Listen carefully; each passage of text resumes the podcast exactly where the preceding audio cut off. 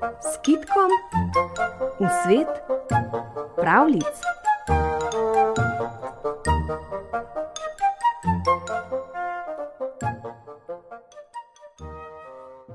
Revna ženska je imela sina edinca.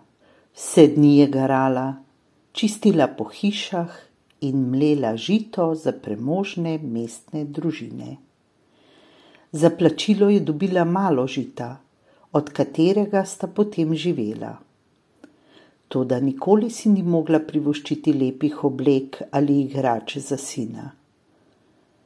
Ko je nekoč odhajala na tržnico, da bi prodala nekaj žita, je vprašala sina: Kaj naj ti prinesem z tržnice?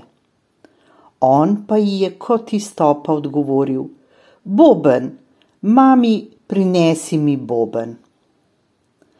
Mati je vedela, da nikoli ne bo imela dovolj denarja, da bi mu ustregla. Odšla je na tržnico, prodala žito, kupila malo čičerikine moke in nekaj soli. Žalostna je bila, ker se je vračala domov praznih rok.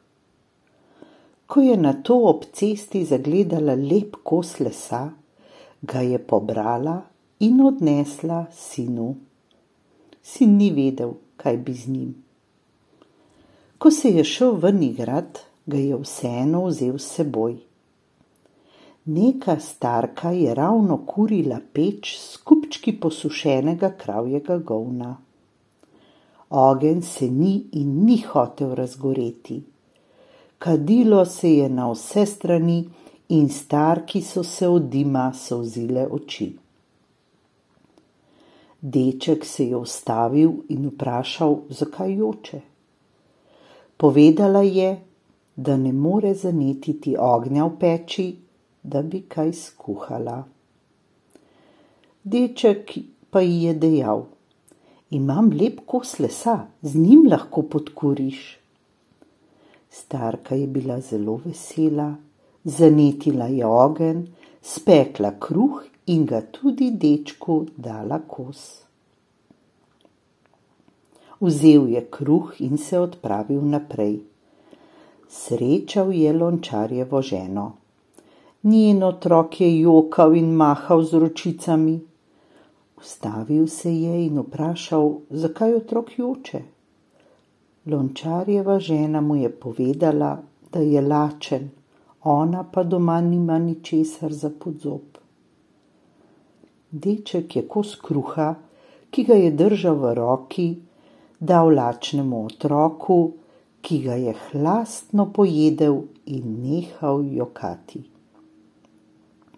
Lončarjeva žena je dečku iz hvaležnosti podarila lonec. Deček je šel naprej in prišel do reke, kjer je videl, kako se neki pralec prereka z ženo. Ustavil se je in moža vprašal, zakaj ušteva ženo. Pralec mu je povedal: Ta ženska je razbila najin edini lonec. Zdaj nimam kje prekuhati perila, preden ga operem.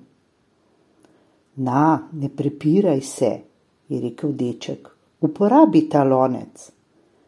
Pralec je bil zelo vesel, ker je dobil velik lonec. Dečku je v zahvalo dal plašč. Deček je šel naprej. Kmalu je prišel do mostu in videl moškega, ki se je tresel od mraza. Na sebi ni imel niti srajce. Deček ga je vprašal, kje jo ima in mož je odvrnil. Na konju sem se bližal mestu.